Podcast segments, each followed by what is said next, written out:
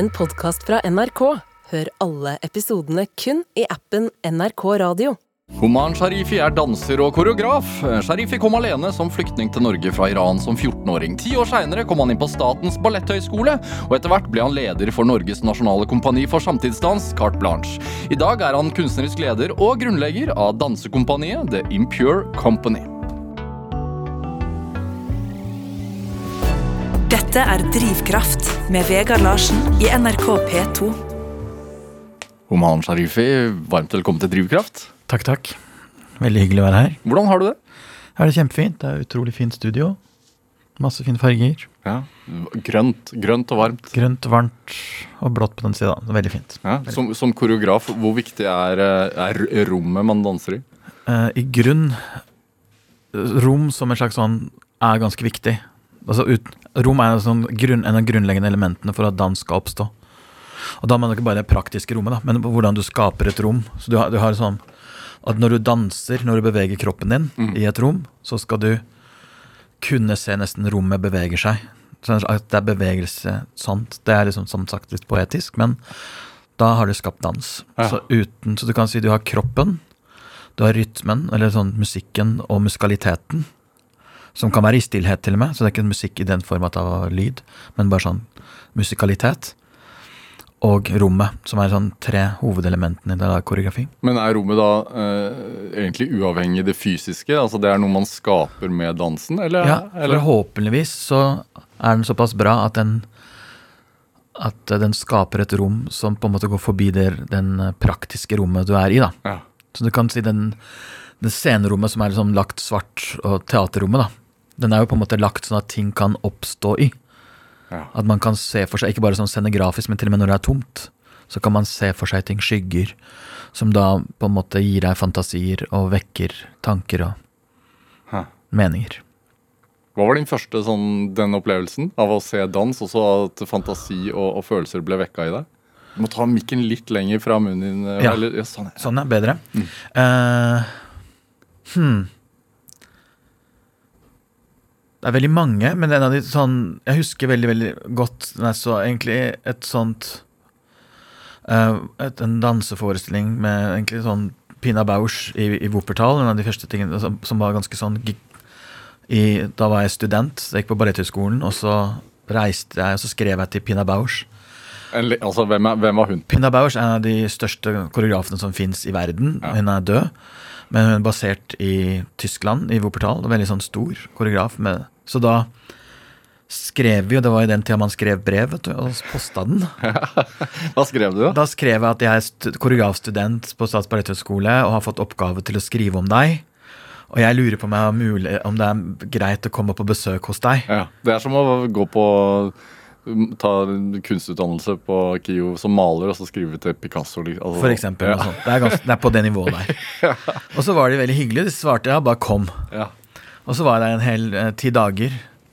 Og det var virkelig sånn life-changing eh, greie. Altså. Og så oppdage og lære så mye, og så bare sånn Se dem jobbe. Det er en sånn kjempestor kompani med folk som har vært der kanskje i 30 år, og he helt sånn vill opplevelse. ja. Så da følte jeg at det var virkelig sånn Ja, jeg, jeg husker jeg begynte å grine uten å forstå hva det var. Av en forestilling? Av en jeg Helt sånn ble jeg helt satt ut. Uten å vi, sånn virkelig, Jeg hadde ikke peiling på hva som har skjedd. Det er et par sånne virk, virkelige sånne opplevelser som er ganske interessant. Har du reflektert rundt det etterpå? da? Hvorfor det berørte deg sånn? Hva var det du så? Altså Det er vårofre, noe sånt som jeg var inspirert av til å lage den siste forestillinga. Så det tok litt år til å teste noen sånn lignende tanker på det. Men, men eh, Nei, det det jeg syns det er veldig deilig med på en måte å si dans At det er ikke alt Noen berører, berører folk, og det er ikke alltid man vet hvorfor. Nei. Men det, det er et eller annet sted som forhåpentligvis beveger seg, og det er ikke alltid greit å vite hva det er. Jeg syns det er veldig veldig fint. Det. Et sånt, du vet, sånn, et uklart rom der, der emosjoner er lov til å være, uten at jeg trenger å vite hvorfor. Men, men, men du har jo også sagt at for deg så er dans nødt til å være politikk. Jeg synes dans ikke, eh, altså Nå snakker jeg for det meste for meg selv. da Ja. Så tenker jeg, jeg tenker først og fremst Når vi er et samfunn som har et eh, offentlig støtte, og vi okkuperer et offentlig rom, så er politikk en del av det, på en måte, fordi man, det er et offentlighet i, i saken. Eh, og så er det spørsmål hva man diskuterer hva politikk er. For meg så engasjement er ganske viktig. Altså at man skal engasjere seg i det som skjer i et samfunn. Jeg føler også at jeg er opptatt av å lage forestillinger som på en måte er, er for et samfunn. Jeg tenker at de kunstnerne som jeg kjenner som er utrolig dyktige og sånn, tar et samfunnsansvar. Så det kan være at de bare lager en, en forestilling om katten som er hjemme hos seg selv. Men det er fortsatt veldig bevisst på hva, hvorfor dette her skal ut Ja. til folket, på en måte. Hva, hva slags samfunnsansvar har du tatt med, med den forestillingen du, du øh, har satt opp nå? øh, 'Sacrifice while lost in salted earth'. Altså, Den har jo en slags ofring som hovedtema. Hva vil det si? Hva offring altså Bare sånn vårofre med Stravinskij eh, og eh, Ballerus, som ble gjort i begynnelsen av altså, rundt 1900 eller noe sånt. Det, det er en sånn en av de store, gigantiske scenekunst-eventene i hele verden. Altså på en måte i vestlig verden. Hvorfor det?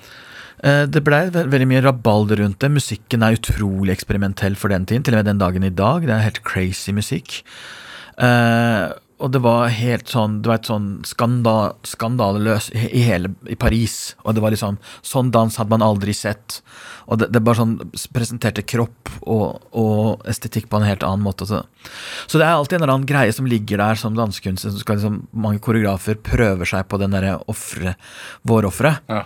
Men vår forsøk var å på en måte lage det så Jeg jobber med en musiker som er Arash Moradi, som spiller tambur, som er en gammel eh, kurdisk-iransk instrument. Eh, som eh, det, som går tilbake til 5000 år cirka. Så det er helt sånn en veldig sånn, Bare med tre strenger. Så vi begynte å høre på Stravinskij-musikken, som er en symfoni. Stor greie, og oversatte til det ene instrumentet med tre strenger. Eh, etter hvert så, så begynte jeg å tenke ok, hvordan det er å bare jobbe med iranske dansere som, er, som bor i utlandet. Dans er jo ikke lov i Iran. Eh, jeg vet om en dansere som prøver å utvikle dans i Iran. Noen har også blitt tatt og fengslet.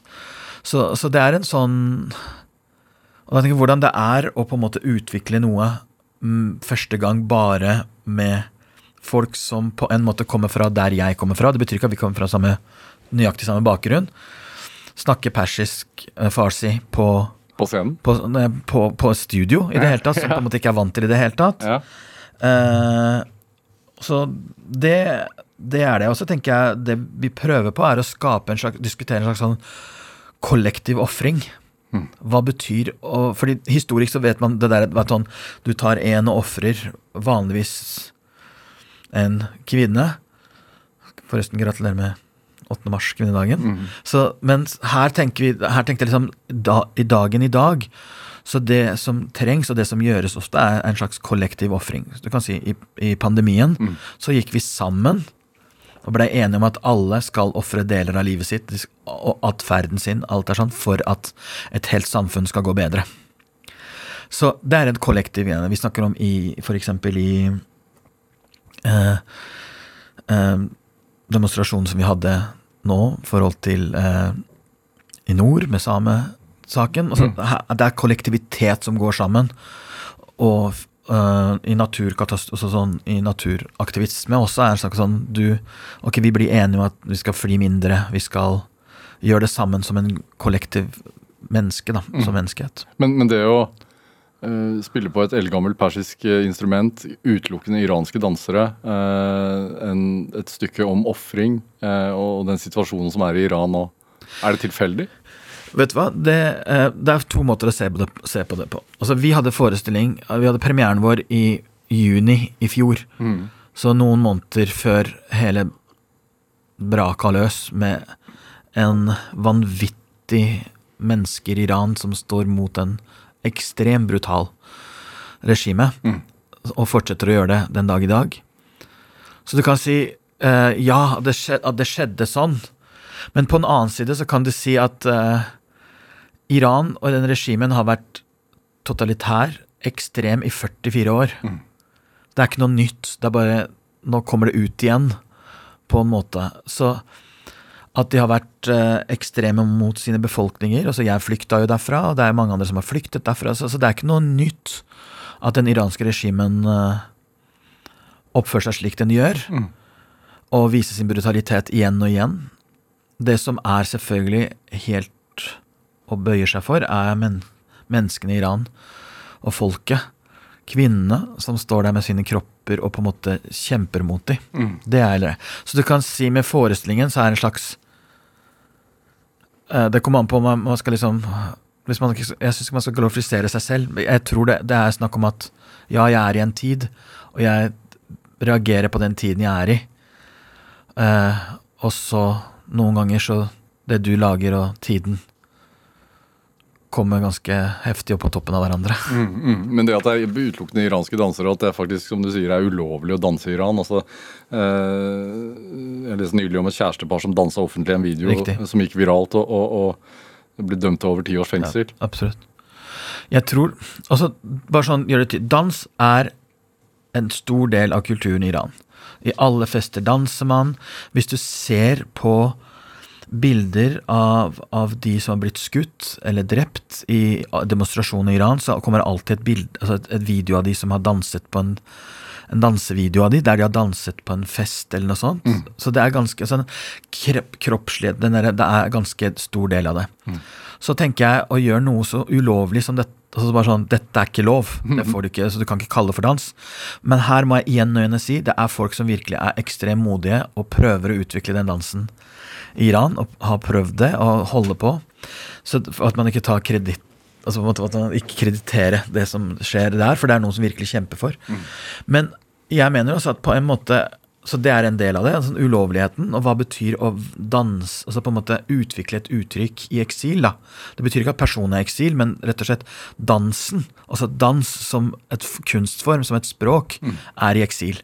For hvis du skal virkelig utvikle det, og du skal være fri for å gjøre det, så må du komme ut for å gjøre det, ikke sant. Mm. så Året, ordet ofring, altså 'jeg ofrer meg for deg', det er en sånn på persisk som betyr 'jeg ofrer meg', altså 'jeg dreper meg selv for deg'. Fadatsham, som betyr at 'jeg ofrer livet mitt for deg'. Det er et sånn ver verbalt ordbruk som vi bruker helt konstant. Ja, som en kjærlighetserklæring. Kjærlighetserklæring. Men, men det kan også bare være sånn Jeg sier til deg Du, gidder du bare sende meg vannet? Jeg dør for deg. Skjønner du? Ja. Så hva betyr det? Hva, hva er det sånn, du vet sånn, hva, hva, hva skjer i et, med et språk, en atferd i et samfunn der å, og, bøyer seg for noen og på en måte ofrer seg altså, Du konstant sier 'jeg ofrer', selvfølgelig er det verbalt. Men det er altså, du skjønner, det er noe som man, man sier. Det er ganske dramatiske ord du bruker i en sånn hverdagslig greiene. Og hva, hva, er, hva har det med kroppen å gjøre, og hvordan kroppen reagerer på det, og hva tenker vi på det som et slags kulturell språk? da? Er det, altså, det er kvinnedagen i dag, eh, 8. mars. Er- Går tankene dine da automatisk til situasjonen i Iran? Jeg tror uh, Nå for tiden så er situasjonen i Iran konstant Ja. uh, til stede i, i hodet mitt og veldig mange andre. Eh, fordi det også handler om hvordan skal man fortsette med det. Man kan å dele ansvaret på det, tenker jeg. For man kan ikke bare pushe alt ansvaret på folka som er der nede. Fordi sant, jeg, vi er fri her. Vi kan demonstrere. Ja. Vi eh, Altså bare at Ikke sant Det er kjempebra at når, når politiet løfter noen som demonstrerer foran departementene våre, så får vi sterke reaksjoner mot det. ikke sant? Men der kan du tenke deg det motsatte realiteten der borte er at du blir skutt. Og du blir satt i fengsel. Eh, og du får dødsdom. Eh, og så blir du kanskje sluppet ut, og så dødsdommen henger oppe deg. Du, så, så, så blir, det er voldtekter på, i fengselet. Det, er- det er sånn helt ville ting. Så selvfølgelig, det er en slags konstant tanke som går der nede på hvordan, hvordan folk står imot dette regimet. Med, med kvinnene i front, da? Hvor, Med kvinner i front. Og kvinner har stått i front i Iran igjen og igjen, det må man ikke glemme. Det er, det er denne gangen som de har fått, heldigvis, eh, kvinne, liv og frihet som slagord. Men vi må ikke glemme kvinnene i all del av Iran, Kurdistan, Balutsjistan, Teheran. Overalt har kvinner i alle opprørene stått imot eh, regimet. hvor kommer det motet fra?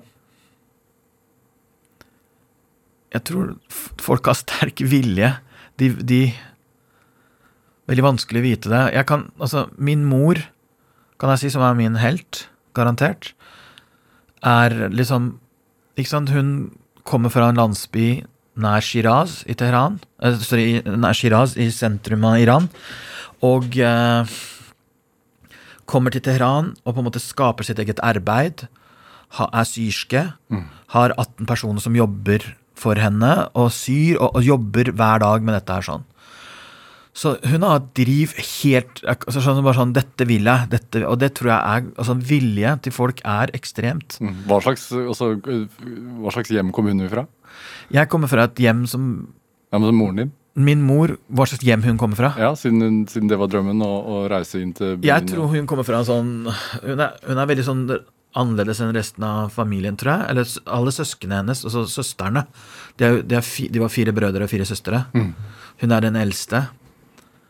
Uh, hun er ganske vill. Det er hun fortsatt. Jeg alltid ser utrolig opp til henne og syns hun er helt fantastisk hva hun får til. Altså Hun var her bare noen år etter hun kom etter meg. Jeg kom til var 14-åring. Så kom hun tre år etter meg. Og eh, hun hadde bare 10 000 hun hadde spart i kontoen sin. Og så går hun forbi en eller annen butikk som er ledig. Nei, men dette skal jeg ta. Jeg, tar, jeg starter en systue her nå, jeg. Så det er, det er en helt sånn Hun er en he... Altså, snakk om drivkraft. Det, det er helt sånn Det er helt vilt. Så hun er en kjempestor inspirasjon. Så familien hennes kommer fra en sånn gårdeiere.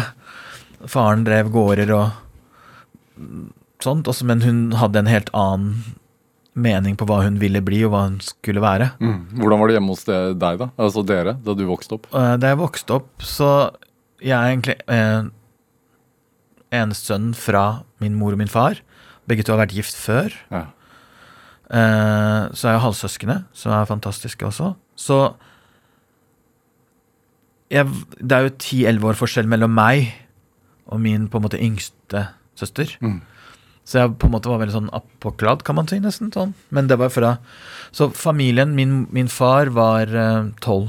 Jobbet med toll og tollsjef. Mm.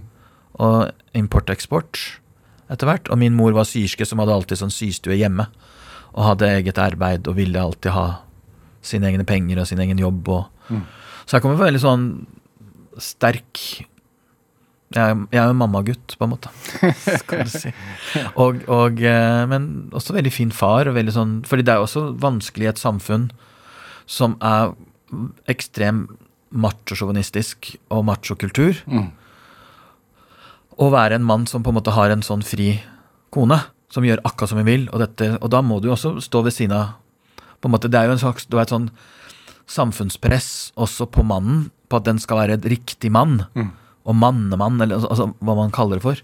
Så han også mener jeg var ganske sterk til å stå mot det. Så nei, men det vil hun, og sånn er det. Og det er ikke noe å diskutere sånn. Det er liksom, Jeg regner med de har hatt nok diskusjoner mellom seg, men det var liksom Ja. Så jeg kommer fra en veldig sånn Jeg har alltid fått høre at du må jobbe. Ja. En, du må ikke tro vi har pengene bare fordi vi har pengene. Du må jobbe. Hva, hva husker, altså Du er født i 73. Ja. Hva husker du fra slutten av 70-tallet? Slutten av 70-tallet. 79, det er jo, da er jo revolusjon i Iran. Ja. Jeg husker veldig godt uh, at det var demonstrasjoner, skytinger. Det husker jeg. Jeg har veldig sånn sterke bilder av folk som løper fra ting. Mm. Uh, lukten av uh, brent Hva er det for noe? Tires? Altså hva, sånn hjul? Hjul, Sånn. ja, dekk. Dekk, rett og slett. Gummi. Gummi. Det husker jeg veldig veldig godt. Det sitter utrolig fast. Den lukta. Fordi sant, Når de bruker tårgass, så brukte de det for å motarbeide tårgass, tror jeg. Så brenningen av det var ganske altså Som sagt, og folk som løp, skyting Det er ganske tydelig. Og selvfølgelig liksom hele at Khomeini kom til Iran. Var det liksom Kom det snikende, eller var det liksom fra en dag til en annen? på en måte? Det er veldig vanskelig for meg å si, for det, det husker jeg ikke så Altså, et opp, All opprør oppstår over lengre tid. Men det kan, altså, historien vil fortelle om den dagen så kom, gikk sjahen fra Iran. Og så kom Khomeini den dagen. Og da, da får du sånne dager, men det er selvfølgelig lange prosesser på, på f.eks. etableringa av, av et system, da, på en måte. Men eh, det var jo en vanvittig revolusjon utenkt. Helt sånn Det var jo ikke fri i Shah sin tid heller. Det var ingen politiske partier. Hadde ikke lov til å drive med politikk. Eh, han hadde også Savak, som var på en måte hans eh, militante torturmennesker. Mm. Eh, så perfekt var det aldri, på en måte, kan man si. Nei. Men eh, Så du kan si menneskene har alltid kjempet for Det virker som menneskene har kjempet igjen og igjen for en frihet, da, og, og for å være fri, og for å ha menneskeretten med seg. Ja. Så er det det som er kupp, på en måte at Khomeini plutselig blei den ene. Fordi bevegelsen i revolusjonen i Iran var veldig kompleks. Ja. Mange forskjellige deler. Altså på en måte både religiøst og venstreorientert, og folk som var nær kommunister som var nær Russland, og kommunister som var bare hadde sosialistiske ideer. Altså masse miksa forskjellige som var i opprørene. Måtte øh, moren din begynne å gå med Slør, slør etter det? Ja. Og det tror jeg sitter fortsatt. Mamma er, kan reagere ganske heftig hvis hun ser noen med slør. Ja. Så vi har ganske sånne heftige diskusjoner noen ganger. Men nå er, hvis noen velger å gå med slør her, så velger de å gå med slør her. Det er, det er ikke sånn pålagt. Så jeg tror det, det, Du kan jo tenke deg, det er jo ganske heftig å ha Jeg har også tenkt på mamma på en måte, du, du vet sånn, Tenk deg å ha et sted der du har for bare mann, men, eh, mannlige arbeidere for deg, og du er sjef som kvinne og driver og jobber. ja. Og så plutselig sakte og sikkert så får du ikke lov til å ha den jobben. Du får ikke lov du, du, ditt, måte, du, er, du har vært halve mannen. Og så plutselig så kommer det ting som er helt absurd. ja. Som hun opplevde. Som opplevde ikke sant? Da, jeg, tenker, altså, jeg ser noen uh, kvinner som er i den alderen der, og, og egentlig videre hele veien til den dagen i dag, at de har jo opplevd noe som jeg, pff, jeg, jeg kan ikke komme i nærheten av å forstå det. Ikke, altså, det, det er bare helt sånt. Var det, Ja. var det den frihetsfølelsen, det derre mm, behovet for å være fri, som gjorde at øh, Altså moren din de, de gikk til det valget å å- sende deg ut? Jeg kan tenke meg det. Jeg tror jeg kan tenke meg, Det er jo hennes vilje. ikke sant? Jeg, jeg tror det har vært en diskusjon mellom min far og min mor. Min far var alltid en sånn Nei, men det er jo mange gutter i hans alder som blir nå her og lever, og det, det går fint. Mens min mor var sånn Nei. Til hvilken pris, liksom? Ja. Og så er min mor sånn Nei, men det, han må ut. Må vi, han må ha en annen, andre muligheter. Dette, dette er liksom Og det har vært langsiktig prosjekt for henne og dette, at dette skal Og det har jo på en måte satt også på en måte, Jeg og mamma har veldig sånn god relasjon, og som har sagt, jeg, hun er min helt garantert. ikke sant? Så det er liksom en av de, i hvert fall. Men det største, kan man si. Så er det litt sånn Når hun sier til meg ah, det har vært sånn jeg tenker, ja, men jeg kom jo hit, du sendte meg for at jeg skal gjøre noe. Så noen ganger så føler jeg det ansvaret videre. Det er sånn- sånn, Når jeg treffer også venner som er i Iran, som driver og jobber der, som velger å være der.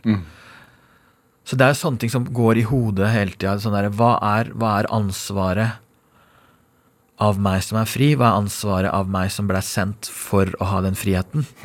Hvordan skal jeg bruke dette her? Og hva er hva er funksjonen av det? Det er ikke Ja, det er i hvert fall ganske til stede, da. Jeg vet ikke hvor Det garantert skuffer meg sjæl flere ganger, men, men det er iallfall en ting som sitter der som ganske sånn klart. Ja. Som du kan si er en drivkraft da, til å liksom drives, og garantert noe som på en måte arvet av min mor også. En slags sånn vilje. ja.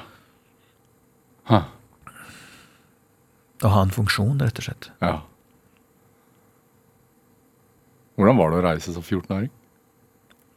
Det, det, det Nå, men Det begynte begynt å bli så lenge siden. Altså, det kan jo også når man bare trykker noen sånne følelser ting ut. Altså eh, til side, på en måte. Og på en måte ikke Se fremover, ikke bakover? Ja, og det tror jeg fordi du fikk veldig klar beskjed at nå må du bare Du må tenke at vi er døde. Du har ikke familie lenger. Du må bare fokusere. Nå skal du dit. Ja. Og du må bare komme deg dit.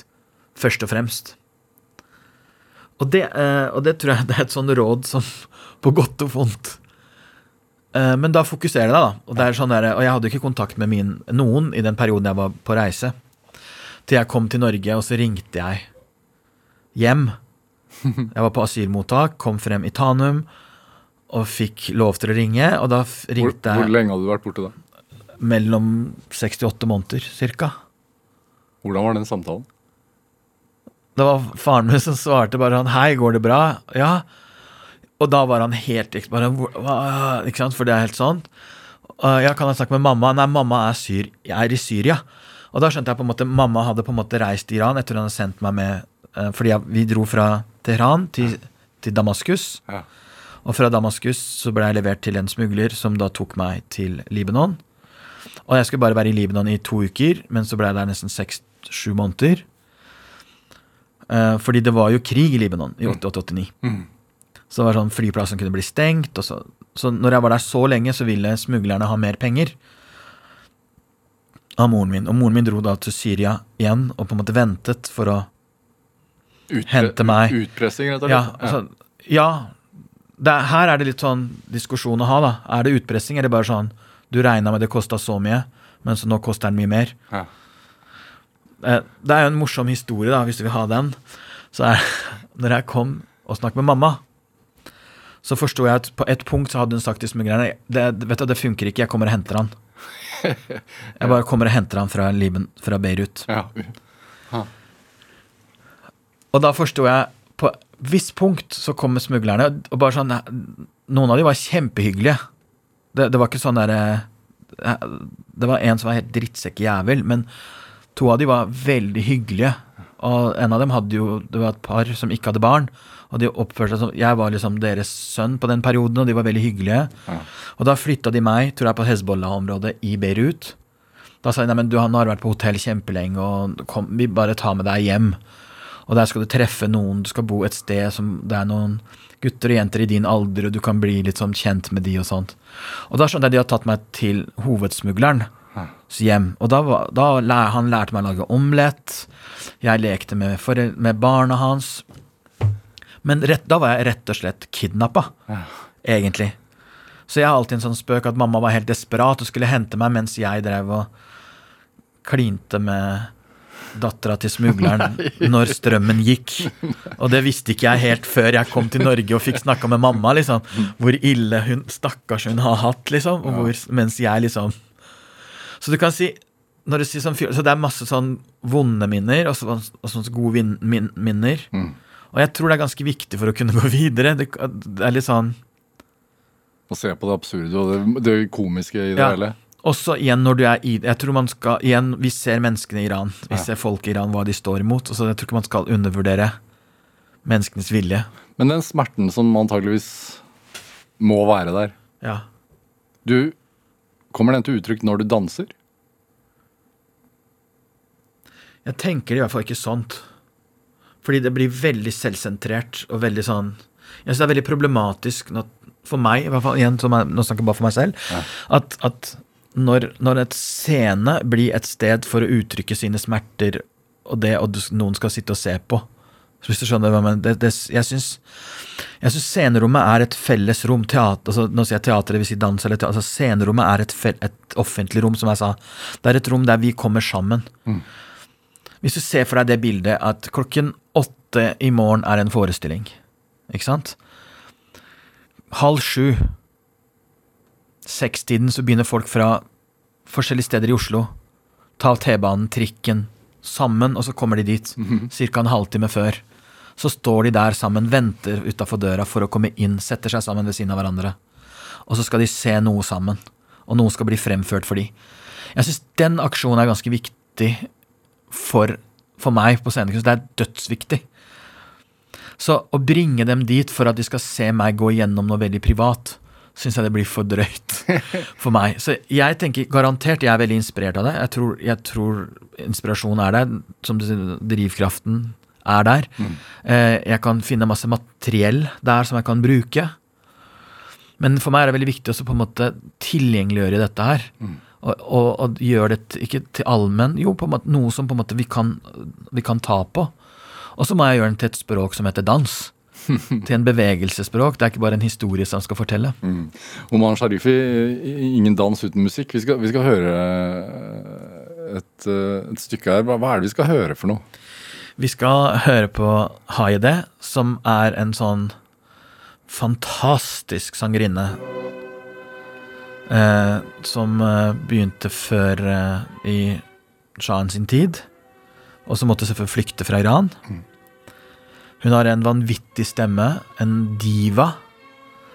Eh, en fantastisk flørt. Hver gang hun eh, fremførte sangene sine, hadde hun de, alle de små blikkene og, og øyebrynene som gikk, og helt sånn fantastisk.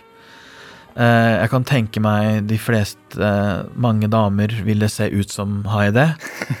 Eh, jeg har fortsatt søstera mi som som virkelig fortsatt vil ligne på henne. Og eh, så har hun vanvittig stemme. Vanvittig stemme, så jeg tenkte det er veldig på sånn for 8. mars å ha en kvinnestemme. Ja. Batoha stem, hva, hva betyr det? Ba Bato stem Ja. betyr 'jeg er med deg'. Ja. Så det er en veldig sånn Selvfølgelig en uh, kjærlighetssang. Og den er jo fra 70-tallet, så den, den har Det hører man. Skal vi høre? Ja, absolutt.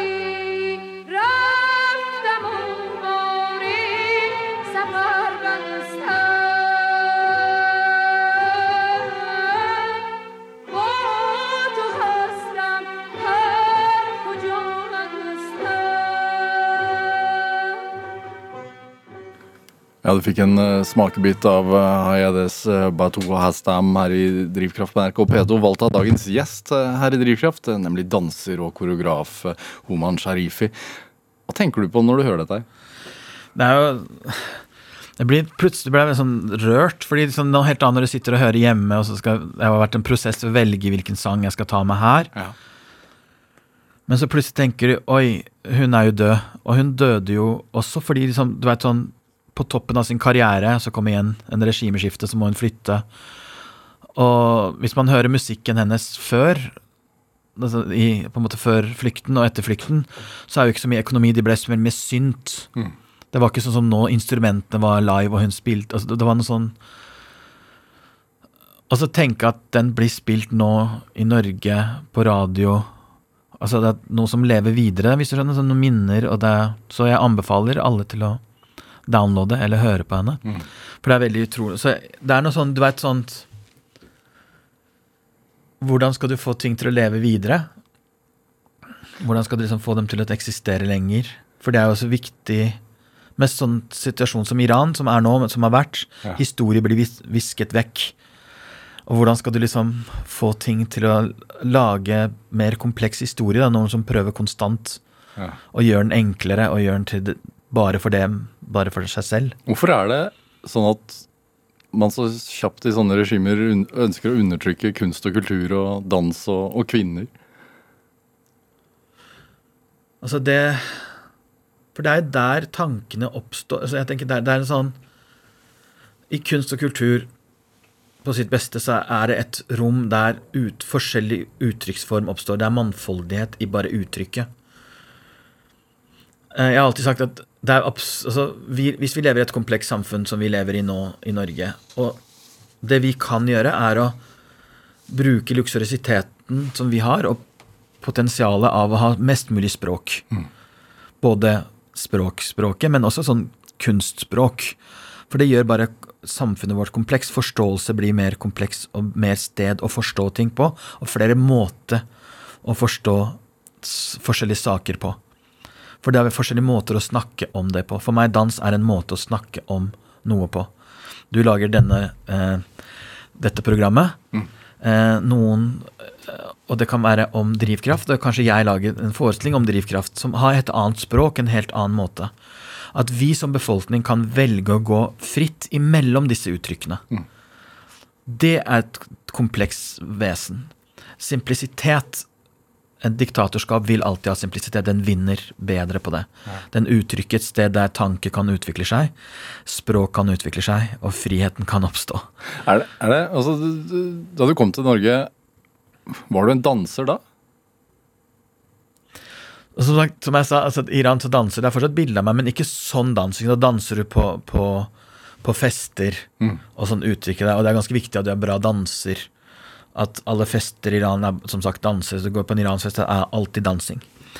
Men ikke sånn. Jeg begynte å danse rett og slett på Operasjons Dagsverk når jeg var 16 eller noe sånt. På Karl Johan. Hva dansa du da? Hiphop og sånne ting som jeg hadde sett på video på MTV, sånn, sånn på, på TV. Jeg tenker sånn da, Når du kommer som 14 år- 15 14-15-åring, Ja. og du kan jo ikke språket Kan ikke språket, så jeg begynner å gå på norskkurs. øh, Så vidt jeg forstår, også dysleksi. Ja, jeg har dysleksi, men den fant jeg ut litt seinere. Men jeg visste ikke helt at det er dysleksi. Ble det da et, et annet språk? Garantert har litt med saken å gjøre at, at det er det. Jeg tror, jeg tror når jeg danset på Operasjon Dagsverk, sånn husker jeg veldig godt, fikk oppmerksomhet, ikke sant. Ja. Og så danser du på fritidsklubber og får, får oppmerksomhet. Du blir tilpasset. Du får tilpass. Du får venner. Du blir invitert på fester. Du får kjæreste. Så eh, dans alltid vært for meg noe som på en måte har et ekstrem funksjon, som du sa på min CV. ikke sant? Jeg begynte å danse på gata, på fritidsklubber. Så ble jeg leder på fritidsklubb. Så hadde jeg en dansegruppe på 100 stykker på Lambertseter fritidsklubb. Hvor gammel var du da? Da var jeg 1920, ikke sant? Ja. Så eh, Hvordan fikk du til det? jeg bare bank... og Det var sånn der banke på døra og bare sånn Jeg har hørt at dere har dansegruppe her. Trenger dere noen som dere leder dansegruppa? Ja, ja, vi har noen timer. Og så plutselig bare tok det helt av. Det ble kjempepopulær, og vi hadde masse folk som var inne i dansegruppa.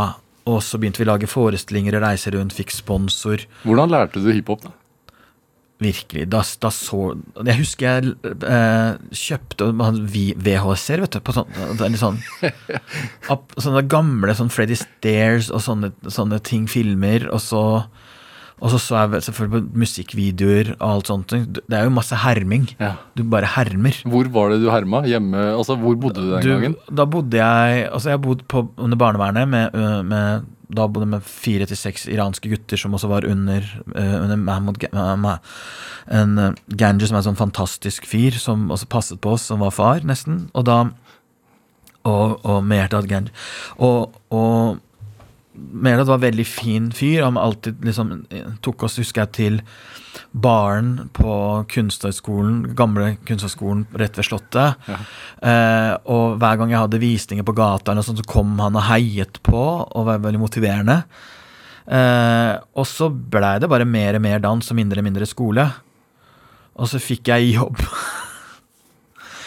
altså, en dag da jeg dansa på et diskotek, og så kom noen og spurte om jeg kan koreografere.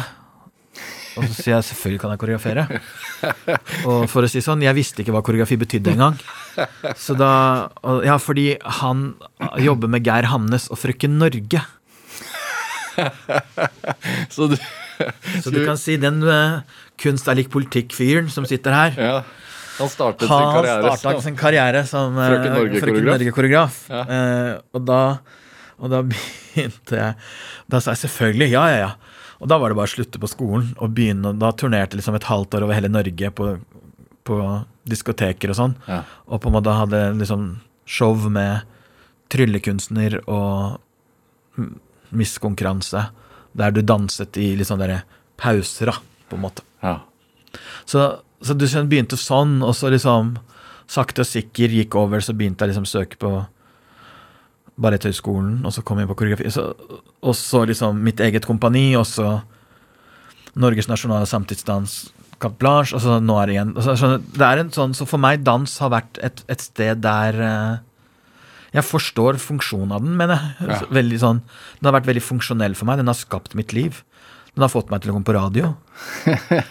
Snakke med deg. Skjønner du? Så det, det, er en, det er noe som jeg For meg så er den veldig funksjonell. Den har en funksjon, den har Hvordan var den overgangen fra å, å være hiphop-danser og øve på videoer til å komme inn på, på KIO, altså Balletthøgskolen, og, og lære liksom klassisk koreografi? Jeg hadde noen veldig, veldig bra lærere der. Noen veldig, veldig bra. Det skal de, det skal de ha. Noen av de var helt fantastiske, og jeg har fortsatt ser opp til de, og de er kjempefine. Eh, jeg syns uh, Jeg tror det var like mye utfordrende for dem som for meg. Hvor, hvordan da? For eksempel. Ikke sant? Du kommer sånn, i en total, fra en total ustrukturert måte på, en måte på en måte ustrukturert, samtidig utrolig motivert. ikke sant? Vi ser på hiphopdanserne i dag, til og med. De danser overalt. Dere har jo den der, eh, du vet, på NRK Kraft. Ja.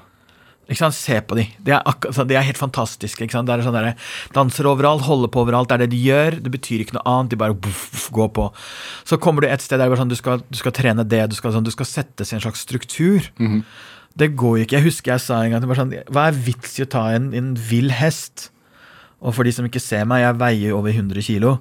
Og det gjorde jeg også da. Og så, og bare sånn, du vet sånn ta, Og da høres sånn, Bare se sånn, den store krølletoppen som bare sånn står der med sånn gateenergi som kommer der inn. og så bare sånn der, Hva er vits i å ta en, ta inn en vill hest og vil tamme den helt? Hva er, liksom, hva er vits? Jeg skjønte liksom ikke helt hva var poenget med dette her. Men jeg lærte, som sagt, jeg hadde veldig mange fine lærere. Eh, Anne Grete Eriksen, Ingunn Rimstad, Leif Hernes og så, og sånne folk som var helt fantastiske. Til å liksom bli med meg, tillate meg til å være den jeg er, samtidig som bare sånn Hvorfor Du har ikke noe vondt av å lære det heller. Og jeg vil jo lære, det var ikke det jeg ikke ville. Inger-Lise Eid, som var dekan, og sa helt fantastisk til liksom bare bli med på hver Åh, nå, er han, nå starter han igjen, liksom. Altså, jeg gikk jo sånn Det er helt sånn, igjen, se på den kroppen, og så, så gikk jeg rundt og drakk vann fra en absolutt vodkaflaske. Hvorfor det? Det er sånn for å bare være Jeg vet ikke, sikkert for å reagere Sånn liten drittunge som reagerte sikkert. For noen andre noen er bare sånn Herregud, hva er det dette her for noe? Så det, er, det ser helt absurd ut, en som står ved baren og tar klassiske klass, klasser med og plutselig innimellom der drikker vann fra vodkaflaske. Så det, det ja, litt sånn rock'n'roll innafor dansen, kanskje. Noe sånt. Men eh, har det opprøret, altså den, det behovet for å være litt opprører, har det fulgt deg? Det tror jeg fortsatt i dag. Jeg sliter selv med meg selv, sier jeg alltid. Hvordan, hvordan da? Det er sånn, du setter i gang noen ganger ting mot deg selv noen ganger. At du, det er liksom hvordan du driver deg selv, og hvordan du kritiserer deg selv, og hvordan du Og da mener jeg ikke selvpining. Det derre se seg i speilet bare sånn Hva skal du? Hvordan skal du, hvordan skal du prestere? Hva skal du hva, hva, er, hva er meningen med dette her? Hvorfor skal du gjøre det? Hvorfor ikke det? Og hvorfor skal du ikke gjøre det istedenfor det? Og litt, litt sånn det drivet der. Men altså, i 2014, da du var sjef for Carte Blanche, da, Ja. eh, så satte du opp eh, 'Shadows Remain Silent' på hovedscenen i operaen. Ja. Det ble det jo opprør av. ja. Hva skjedde da? Jeg forstår det ikke, for jeg lager aldri noen forestilling for at det skal bli opprør. Samtidig som jeg selvfølgelig vokste opp i opprør og krig i Iran og hele pakka.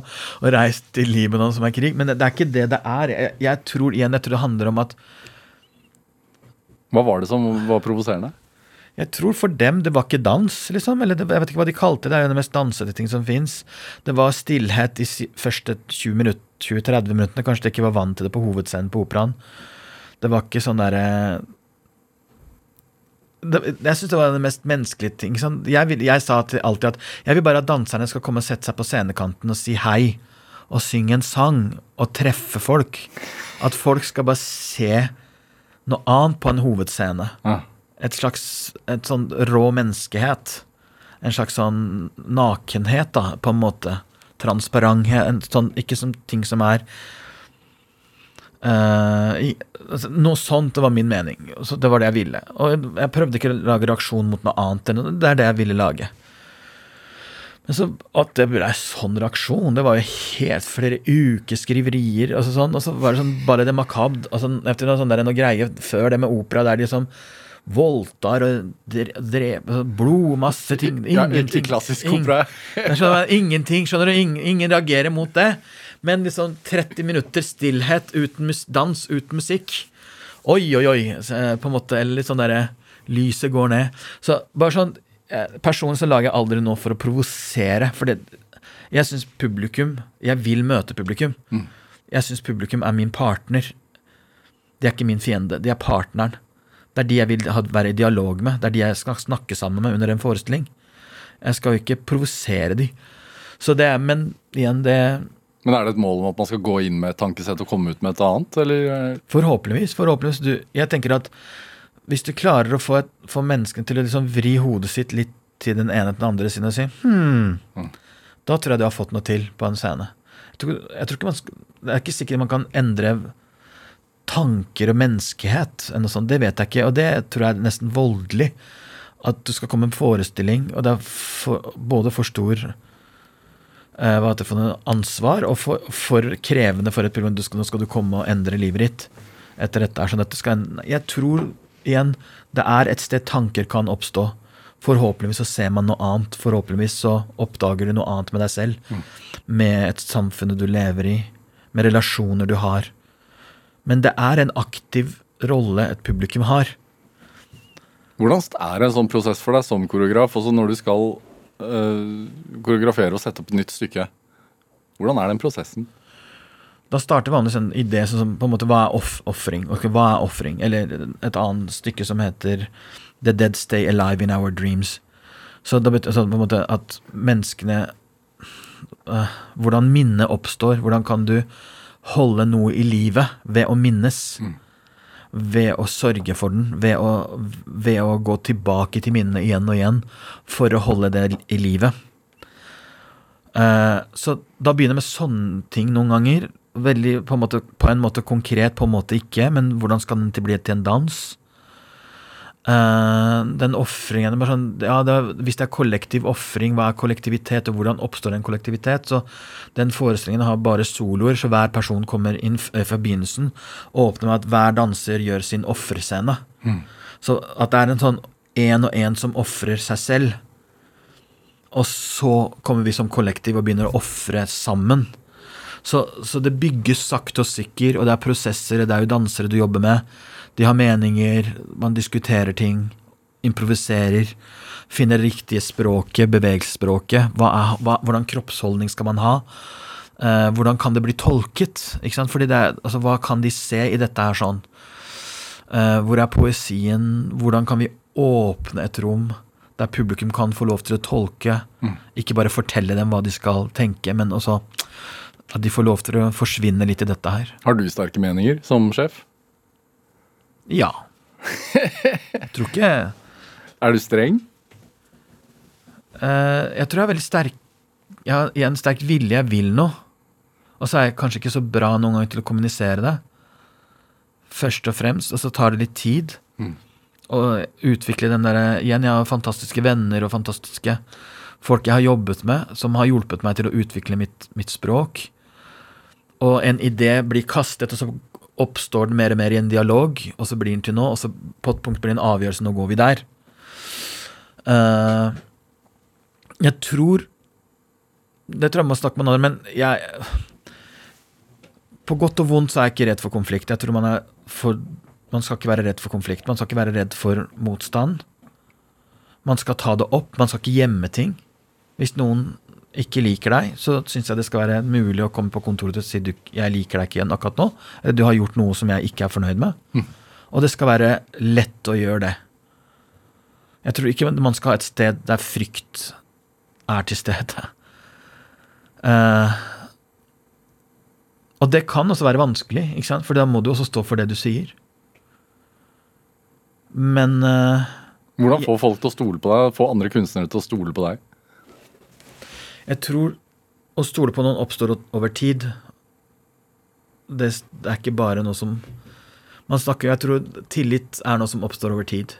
Man bruker tid sammen, og så oppstår det. Og så er det en tillit for mye. Altså Den diskusjonen vi har her Vi har blitt enige om at vi skal ha tillit til hverandre, at jeg skal være åpen, og du er åpen, og så går vi sammen inn. ikke sant? Men når vi går over tid, og skal gå enda dypere, og skal gå sånn, så er det tiden som også skaper tilliten og, og atferden med hverandre, da. Så jeg tenker det tar tid, og så må du vise det. Du må vise at du At du, at du Ja, at du ikke bruker det mot den som sier det til deg. At, ja. Er det, altså i, I dag så er det jo blitt en markant skikkelse innenfor for dansekunsten i Norge. men det, Hender det at du tenker noen ganger sånn Hva om hvis ikke? Hva om hvis jeg ble værende? I Iran. Ja. Vanskelig å si. Veldig vanskelig å si. Jeg vil jo håpe at jeg drev og jeg Kanskje hadde jobbet med andre ting. Jeg, hå- jeg håper jeg hadde det samme drivet. Jeg vet ikke. For alt jeg vet, så kanskje jeg, var en av de opprørerne som på en måte ble satt i fengsel ganske kjapt. Og var ferdig, på en måte. Eh, vanskelig å vite. Du skjønner, en av de siste tingene bare, ja. Ja, unnskyld. En av de tingene jeg tenker er at Som var tanken, ikke sant Ved å gjøre dans eksempel ulovlig i Iran Så tenker jeg at iranske samfunnet Dette er litt sånn kanskje poetisk, vi får se hvor det går Men det iranske regimet har på en måte Stjålet dans fra hele verden Det er et uttrykk fra verden Så det er det de gjør De, de, de, de stopper en eller annen utvikling For et helt ver en hel verden tankeganger, meninger, poesi, musikk, alt. De stjeler det fra en hel verden. Fordi det får ikke lov til å utvikles der. For det kan hende ikke sant? Jeg er født der, og jeg bor, kom til Norge da jeg var 15. Og jeg tror både min tid i Iran, min tid imellom, og min tid i Norge har gjort meg til den jeg er. Det er kompleksiteten i hele den. Det er ting jeg har lært i Norge som jeg hadde aldri lært i Iran, kanskje rasisme. For, altså, det er ikke bare for norsk, altså, det er bare kanskje Iran er rasisme. men du kanskje ikke visste at det var rasisme engang. At det er rasistiske tanker i Iran. Garantert. Det er jo forskjellige folkeslag som har blitt undertrykket i alle år. Språket deres og sånt. Så tenker, det er masse ting som er lært som aldri Skatt. Jeg har snakket med en, en venninne som har nettopp flytta fra Iran til, til Belgia, og bare sånn forstå bare, Her skal man betale Ja, men hva tror du? Selvfølgelig skal du betale skatt. Fordi det går til det og det og det. Kanskje jeg får aldri Det er masse ting som jeg elsker å forstå det. Tenk om å komme til Norge, og så er det Gro som er statsminister. Se på, skjønner du? Jeg kommer fra en sånn sterk mor. Familie sånn og sånn, så plutselig kommer det et så det Gro, liksom. Skjønner du? Det, det, er, det er stort. Det er ting som du lærer og forstår veldig mye. Så jeg tror kompleksiteten er det. Så jeg tror det landet har stjålet, så det er veldig vanskelig å si hva man hadde blitt. Og det, det, jeg tror, det er det prakk, det mest voldelige det, altså en av de, Igjen en av de mest voldelige det regimet også gjør. Den rett og slett stjeler drømmer, realitet, altså liv fra folk. Tror du kvinnene og folket der klarer å ta det tilbake? Ingen totalitære regime har klart å vinne over tid. Over menneskehet. Så er det noe jeg tror på, det er garantert det. Men stakkars hvor mye de skal betale for det, det er en annen. Men at de er modige, at de kommer til å vinne, det er Fordi det er ingen totalitære regimer som har noen gang i historien har klart å holde ut. Så menneskene Jeg har mer tro på menneskehet igjen, og igjen og deres kraft da, enn noe. Homan Sharifi, hva, hvordan har drivkraften din utviklet seg over tid? Hva er den i dag? Og så som du sa, altså, jeg kom som på en måte venneløs til Norge og hadde hørt at nå skal du tenke at du ikke har noen familie eller noe sånt. Og nå har jeg fantastiske venner. Et kjempefin karriere. Bor i et fantastisk sted. Jeg har barn som kan meg for onkel. Eh, så jeg tror drivkraften er fortsatt å bli kjent med folk, utvikle seg. Se hvordan du kan utfordre deg selv. Eh, ja, bli bedre, rett og slett. Det blir bedre og bedre. Det, det er ikke sikkert du blir bedre menneske, men du blir bedre. En fin drivkraft. Omar Sharifi, tusen takk for at du kom hit. Takk skal du ha. Hør eh, flere samtaler i Drivkraft på nrk.no, eller i appen NRK Radio. Der kan du også trykke følg, så får du opp eh, alle de nye Drivkraft-episodene hver gang vi publiserer. Send oss gjerne ris eller ros, også tips til mennesker du mener har drivkraft. Send den e-posten til drivkraftkrøllalfa nrk.no. Vi hører veldig gjerne fra deg. Produsent i dag det var eh, Camilla Bollingmuir, mens Ellen Foss Sørensen gjorde research til denne sendinga. Dette var Drivkraft. Jeg heter Vega Larsen. Vi høres. Du har hørt en podkast fra NRK. Hør alle episodene kun i appen NRK Radio.